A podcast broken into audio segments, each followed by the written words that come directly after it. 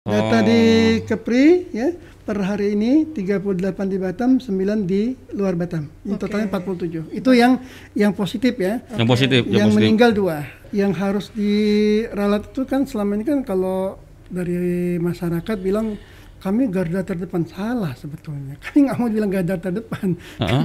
garda terdepan itu masyarakat bukan kami.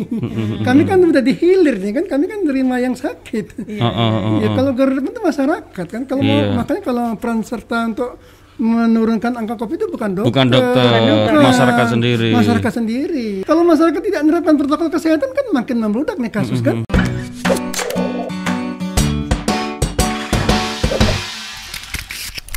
Kita undang Ketua Ikatan Dokter Indonesia Wilayah Kepri, Iya. I- ID Kepri, Dr. Rusdani MKK. Selamat siang. Iya, selamat siang. Selamat datang, Dok. Sehat, Dok? Alhamdulillah. Waduh, sehat. Kalau dokter harus sehat. Kalau dokter nggak sehat bahaya kita. Iya benar. Enggak juga. Nggak juga ya. Dokter juga Juga manusia. manusia. Jadi Ketua Ikatan Dokter Indonesia Wilayah Kepri ini adalah seorang dokter lah iyalah. Nggak nggak mungkin nggak mungkin nggak dokter nggak boleh dok ya. Mesti harus ketuanya mesti dokter ya. Harus dokter dong, karena Ha-ha. ketua itu kan anggo- anggota ID. Ang- karena anggota ID dokter. Iya iya. iya. iya iya iya. iya. Emang ID ini ya sebenarnya organisasi Iya. ngapain? Maksudnya dokter. Oke kita tahu dia dokter Ikatan Dokter Indonesia. Ya Mungkin tapi dari- apa itu spesifiknya dok? Jadi gini, ya. Jadi eh ID itu mengayomin untuk melindungi anggotanya ya. Jadi jadi apa pun eh, spe- spesialis lu, apa pun dokter, kalau lu udah menyandang gelar dokter wajib menjadi anggota ID. Oh. Wajib itu dok ya. Wajib, wajib. Wajib ya. Kalau tidak menjadi tidak menjadi anggota ID dia nggak boleh praktek. Oh. Boleh lu nggak jadi anggota tapi lu nggak bisa praktek. Oke. Karena oke. syarat untuk praktek itu harus dapat rekomendasi dari ID. Oh. Paham kan? Iya iya. iya. Jadi memang yang mengeluarkan SIP itu dari dinas setempat ya. ya. Kalau kita kan di di gedung Sumatera one stop service ya. Tapi tetap dia minta rekomendasi ID. Kalau ID nggak kasih remeng- rekomendasi dia nggak bisa mengeluarkan. Hmm. Iya, karena mungkin dokter ini spesial kan ini kan profesi butuh keahlian khusus dan mungkin syarat-syaratnya juga beda sama profesi-profesi lain karena ini kan ngurus urusan Kesehatan. kesehatan, urusan nyawa. Ya mungkin Iya, kira-kira gitu ya, jadi, Dok ya. Jadi gini, kalau Jadi harus kalau ini. misalnya dia ngakunya misalnya dia ngaku dokter, anggaplah dia tamat 12 tahun yang lalu, tapi dia nggak selama ini nggak pernah praktek. Pertanyaan apakah dia masih kompeten sebagai dokter? Hmm. Iya dong. Iya. Ya berarti kan dia mesti di di di training lagi atau ikut ujian lagi. Hmm, Oke, oke, oke. Karena kan kita kompetensi kita itu lima tahun sekali harus upgrade, harus Lima tahun sekali, lima Dok. tahun, lima tahun sekali kita mesti ngambil namanya STR, surat tangga regis- registrasi. STR itulah cikal bakal kita untuk mengeluarkan eh, rekomendasi. Hmm. Jadi berat jadi dokter itu. Prakteknya iya, susah. Iya, iya, iya. Dok, Belajarnya juga lama. iya, iya. Eh, apa? Dokter Rusdani ini kan dokter udah jelas dokter ya. Ah. Dokter tuh ada macam-macam ya, Dok ya. Oh iya. Ada berapa macam atau apa? Istilahnya apa? Spesialisasi atau atau jenis-jenis atau apa sih?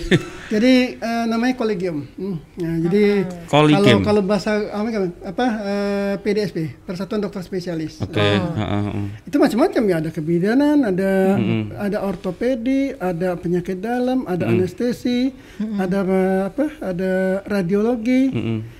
Nah, ma- masing-masing ini bisa bercabang lagi kayak penyakit dalam tuh ada yang Masih ada cabangnya lagi. ada lagi sub spesialisnya itu ya. Oke. Nah, mungkin dia mendalami ginjal, mungkin dia Oh, mendalami fungsi jantung, jantung. mendalami di pencernaan itu. Oke. Nah. Ya, ya. Kalau Tapi tetap tetap itu di bawah kalau bahasa kampung kampung kan kampungnya bahasa kami itu di bawah rumah besar ID. Tetap ID. Oh, Tetap ini. meskipun mungkin ada juga ya ikatan dokter spesialis jantung ada dok ya? Ada, ada. Ah, itu Oh, ada, ada ada berarti ya.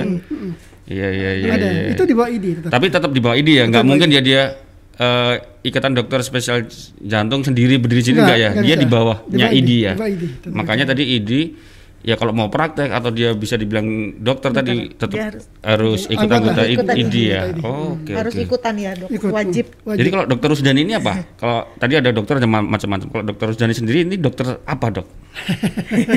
kan di belakangnya ada MKK kemarin kita dengan dokter tulang tuh apalagi itu. Terus Iya, kita ya, dokter. orto, orto. Oh, Jadi, oh, kita sempat berapa kali dengan dokter saya yang kemarin itu di apa di okupasi ya. Jadi saya itu lebih konsen di kesehatan kerja. kesehatan kerja.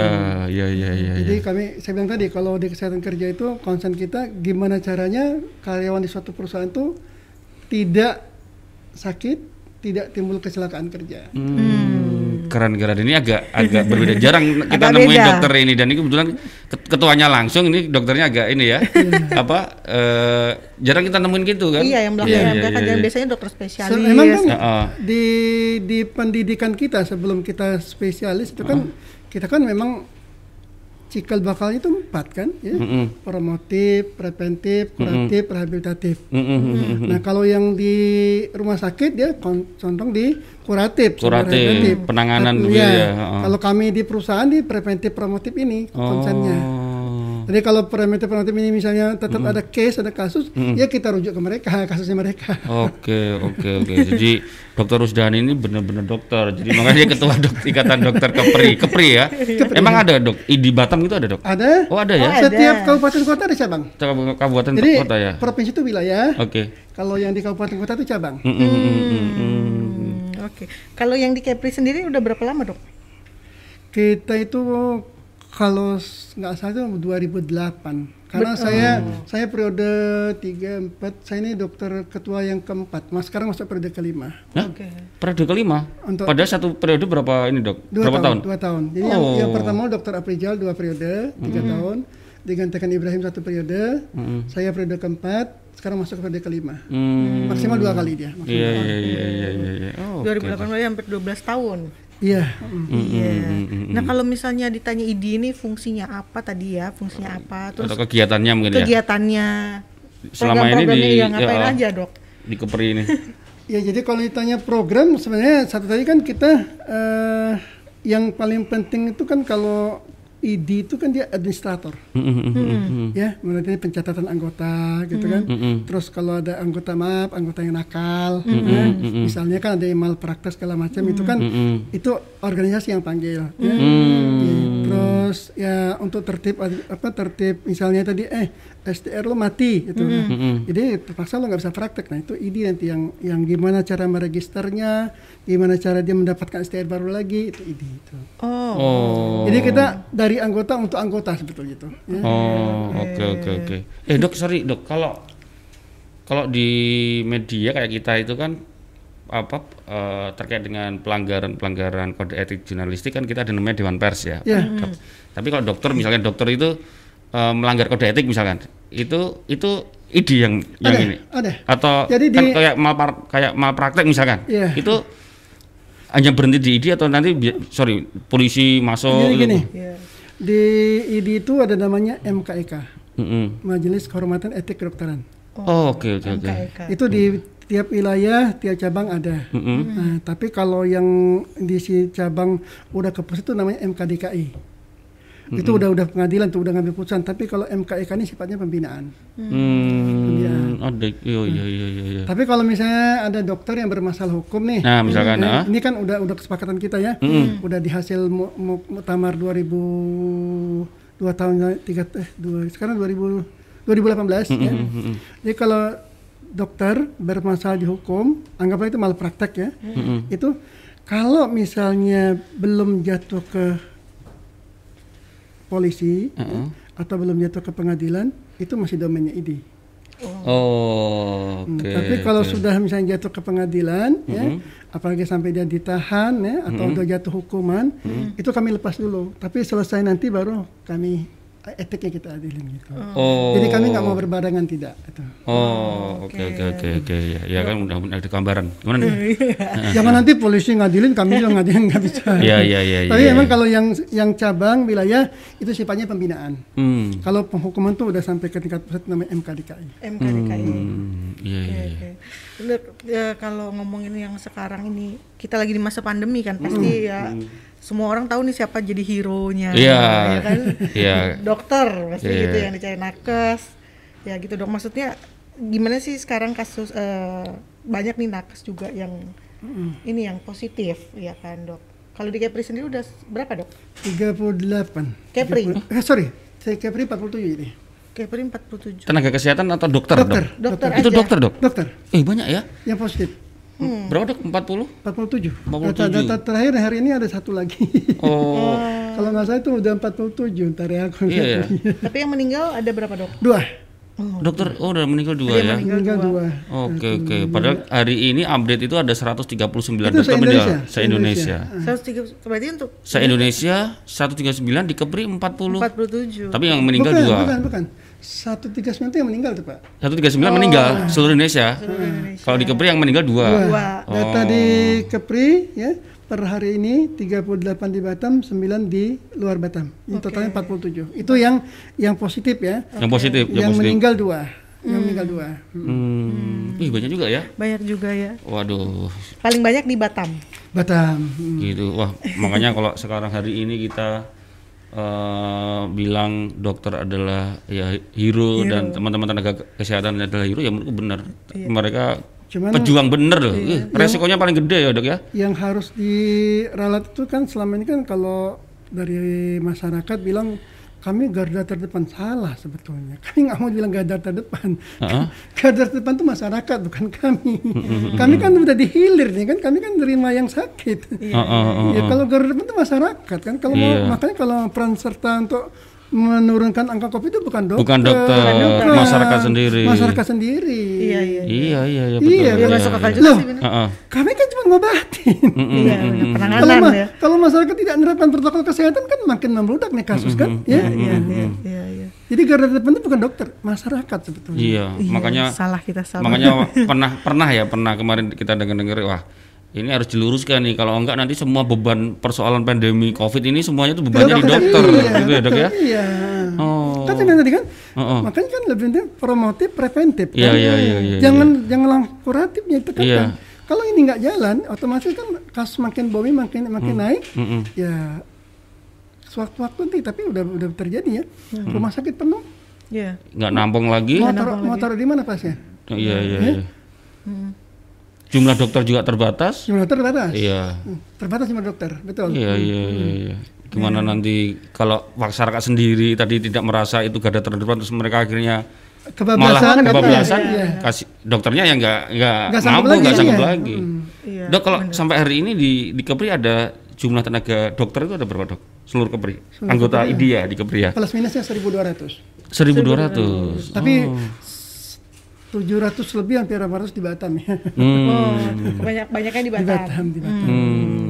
Dok, kalau melihat yang banyak yang memang yang tenaga kesehatan, dokter teh tadi Hmm. banyak kasusnya, terus eh, apa sih yang harus dilakukan? Ini maksudnya supaya dokter-dokter ini juga lebih berhati-hati juga gitu maksudnya. Dok. sebenarnya kalau kalau saya minta lagi masyarakat harus jujur Oh, kembali ke masyarakat. kami saya dia konsul ke saya nih ya. Hmm. Kan tidak semua dokter praktek langsung pakai level 3 Iya, iya. enggak iya. dong ya kan? Benar, benar. tapi kan di depan udah seleksi pak bapak ada demam enggak misalnya dia demam kalau dia bilang dok saya ini enggak demam tapi saya merasa saya ada sesuatu kenapa saya ada kontak dengan pasien positif itu kan jujur Oke. Tapi rata-rata masyarakat kalau tanya, Pak ada kontak nggak? Oh nggak ada, oh nggak ada. Itu yang suka dokter kontak Akhirnya dengan kena positif COVID ya. karena itu ketidakjujuran pasien itu. Atau pertanyaan, Bu, ibu ada keluar kota nggak? Mm-mm. Dulu kan? Iya, Karena kan di keluar kota itu kan lebih banyak. lebih sensitif ya, sensitif. karena apa eh, kita capek, ya. terus lagi kita kan banyak di ruang tertutup kan, apalagi dalam pesawat tuh kan, dikhawatirkan aerosol itu kan banyak nempel. Karena kalau ada periode perjalanan keluar daerah itu udah nambah skor untuk dicurigai gitu ya. Dicurigai. Tapi masalahnya nggak jujur. Kalau dia nggak jujur kan kita oh nggak ada. Ada kontak dengan pasien nggak ada. Padahal ada. Nah, akhirnya saya yang pakai level 1 ya bisa kontak dong level 1. Berapa lakukan? Tapi kalau dibilang ada ya udah kita oke ini kita mau screening lagi nih. Oke. Supaya kita ngulangin gitu kan. Hmm. Oke. Salah satunya itu tuh kejujuran masyarakat. Kalau dia jujur, insya Allah kita akan cepat action kan. Iya, iya, iya. Langsung ada ininya ya. Iya, protokolnya ada itu udah. Makanya kemarin ada apa nggak tahu dibilang klaster atau bukan masih ada kasus yang di kayak di pu- puskesmas itu tenaga puskesmas tenaga kesehatan yang di Iya. puskesmas kena.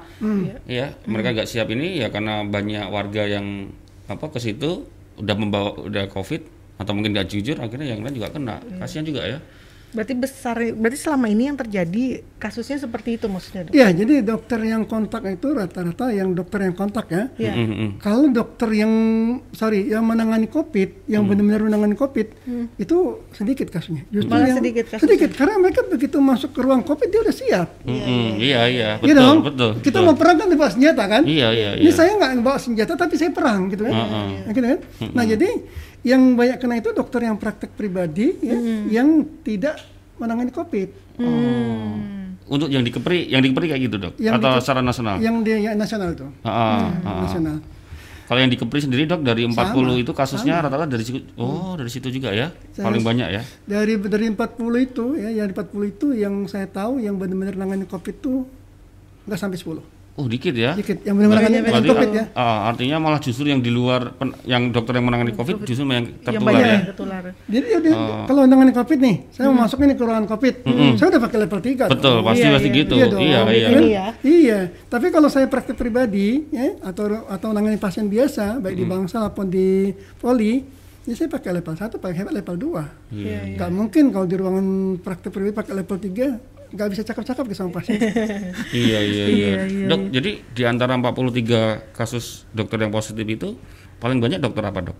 Umum. Dokter umum ya?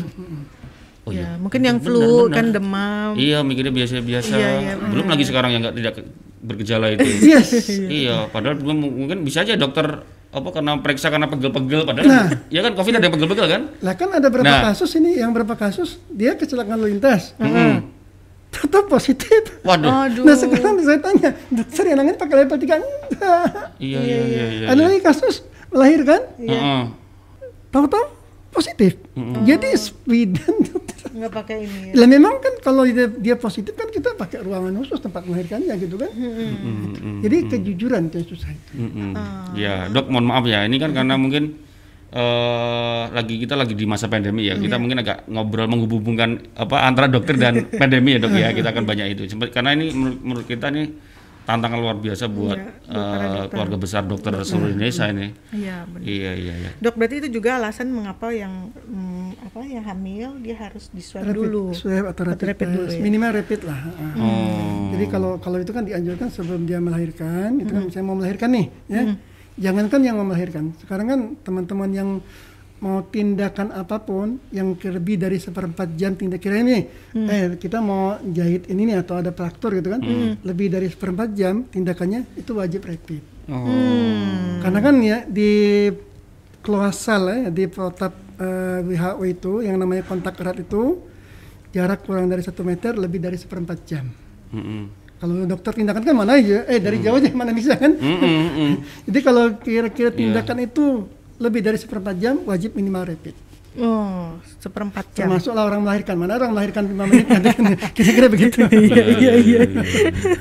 Tapi rapid kan tidak menjamin ya, tidak menjamin 100% misalnya rapid. Iya, karena efektivitasnya Non-reaktif kecil ya. Belum tentu, belum tentu. Tapi minimal untuk ini. Karena kalau mau di swab nanti waktunya lagi, cost biaya lagi Iya, segala iya, macam. iya, benar. Kalau swab harus nunggu waktu dua Iya, hari. Mm. Nah, Hmm. iya. Tadi kan dokter Itu termasuk preventif kita ya, preventif preventif kami. Iya, iya. Mm, mm, mm, mm, Oke, dok. eh, tadi dokter bilang udah menyinggung soal rapid nih. Hmm. Nah, rapid itu ternyata kalau misalnya kita sudah pernah dan kalau kita di rapid lagi itu artinya reaktif juga ya dok? Kalau udah pernah positif maksudnya? Iya. Belum tentu. Oh gitu ya dok. Belum tentu. Ada berapa kasus yang contoh nih, Mm-mm. kasih contoh ya. Ini berhubungan dokter perusahaan lagi nih. Iya, dokter perusahaan. Ada yang positif nih, Iya. eh, keluar dari rumah sakit, anggapnya dia di Galang. ya. Ada surat nih dari Galang, surat bahwa dia sudah sembuh. Sembuh, Oke. iya. Tapi surat ini kan nggak bisa dibawa untuk terbang. Iya. Hmm, Oke. Berarti dia harus direpit kan? Iya. Iya dong. Iya. Karena surat penerbangan memang rapid kan? Mm-mm. Rapid negatif. Tapi ada juga yang masih positif ada. Dia reaktif kan? Eh saya rapidnya reaktif. Oh. Tapi kalau ah, banyak itu yang non, non reaktif. Yang udah keluar non reaktif rata-rata. Hmm, oke. Dok, kemarin juga ada kasus siapa tuh yang kekerasan itu, Dok? Update-nya di yang di ini di salah satu rumah sakit, Oh, oh, Mas. Ya, Iya, dia jadi- kemarin ada penjemputan paksa jenazah COVID. Oh, yang dijadi sasaran dokter. Iya. Jadi- Jadi sempat dokter kena kena pukul kemarin tuh betul. Mm-mm. Jadi prinsipnya kan kami ide kan melindungi, melindungi anggota Mm-mm. tetap ya kan. Jadi nah perkara nanti kasus itu mau di dipanjangkan atau mau dilaporkan tergantung yang bersangkutan kan. Tapi kalau nah, di ID itu ada namanya eh, BP2A.